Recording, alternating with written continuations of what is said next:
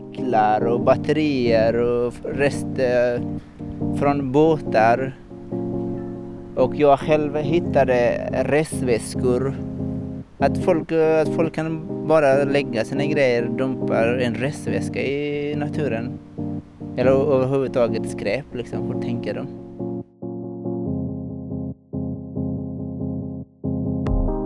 Miljöaktivisten Amir Fakiri tror både på ordets och handlingens makt. På sitt instakonto Keep Jönköping Clean postar Amir bilder på skräp som han plockar längs med Vätterstranden. På kreativa sätt vill han upplysa sina följare om vilka konsekvenser skräpet har på miljön i närområdet. Och målet med initiativet är att Jönköping ska bli Sveriges renaste stad. Hej! Jag möter upp Amir under en varm sommardag för att följa med på en skräpplockarrunda och Amir är minst sagt väl förberedd. Ett bra tips är för andra, jag har alltid påsar och handskar med mig. Så man vet inte när skräpet dyker upp.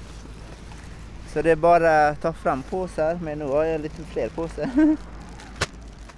Jag heter Amir Fakiri och jag eh, jobbar som elektriker och när jag inte jobbar då plockar jag skräp eller att jobba med nedskräpningsfrågor på olika sätt.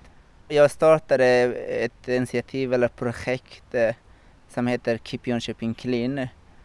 Och det hade jag inte tänkt starta från första början. Eh, jag plockade skräp, eller jag best, först bestämde mig att plocka skräp och det gjorde jag. Och eh, innan jag plockade skräp så såg jag skräp överallt för det därför jag började plocka.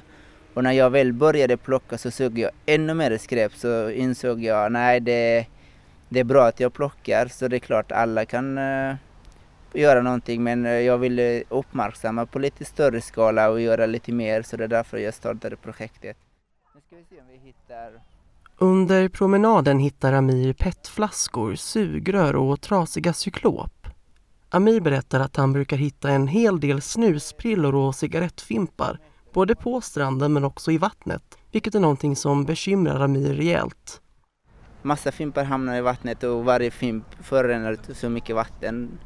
Och det är här, du ser ju redan barn och ungdomar badar så det är väldigt lätt att man får i sig vatten och massa giftiga ämnen som kommer från fimpar och all, all, allt annat skräp och plast också som läcker kemikalier. Och det drabbar inte bara oss, liksom, det drabbar djur och natur.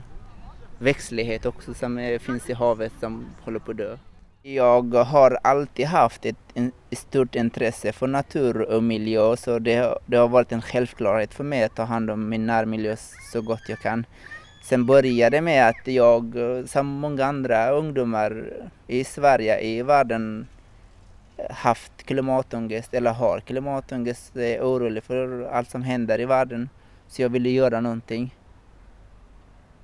Så vill man göra någonting ska man börja med sig själv och man ska börja där man befinner sig. Så jag började med mig själv, jag började i Jönköping. Så det går inte att förändra var, ja jag ska förändra världen, jag ska förändra ett samhälle. Man måste börja där man är till att börja med.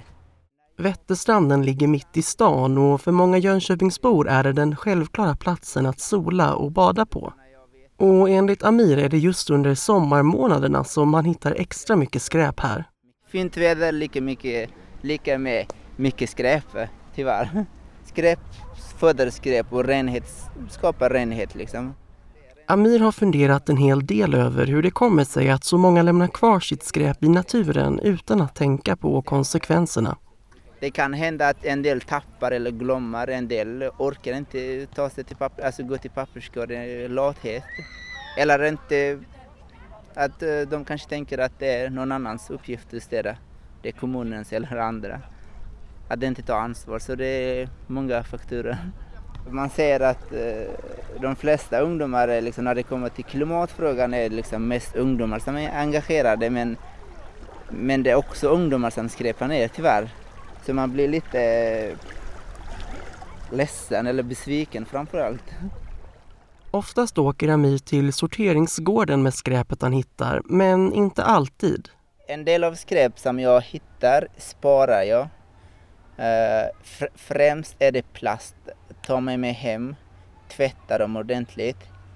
Sen gör tavlor, ska man säga skräptavlor på olika djur som drabbas negativt av klimatförändring och eller miljöförstöring. Skräp ser ganska fullt ut när det ligger på marken men det kan se fint ut också när man gör något bra. När vi kommer fram till slutet av stranden kan Amir konstatera att det blev en lyckad skräppromenad. Vi har plockat flera kilo, en hel påse. Mycket. Det känns jättebra att vi har så mycket mindre skräp på Vätterstranden nu efter den här promenaden. Det känns bra. En härlig känsla i kroppen när man har gjort något bra, positivt. Amir berättar att han ibland känner att han stör alla de som kommit för att koppla av på stranden när han plockar skräp runt om. Men samtidigt konstaterar han att det är ett bra sätt att påminna strandgästerna om att ta med sig sitt skräp när de går. Jag kan säga att det är bara bra att plocka vid den här tiden också när det är mycket folk så ser de. Jag säger hej då till Amir och dröjer mig kvar på stranden en stund. Det börjar bli kväll och solen är på väg ner över Vättern. Och jag tänker att nästa gång jag hänger på Vätterstranden så kommer jag kolla mig efter en extra gång när jag går för att vara helt säker på att jag inte lämnar kvar något skräp.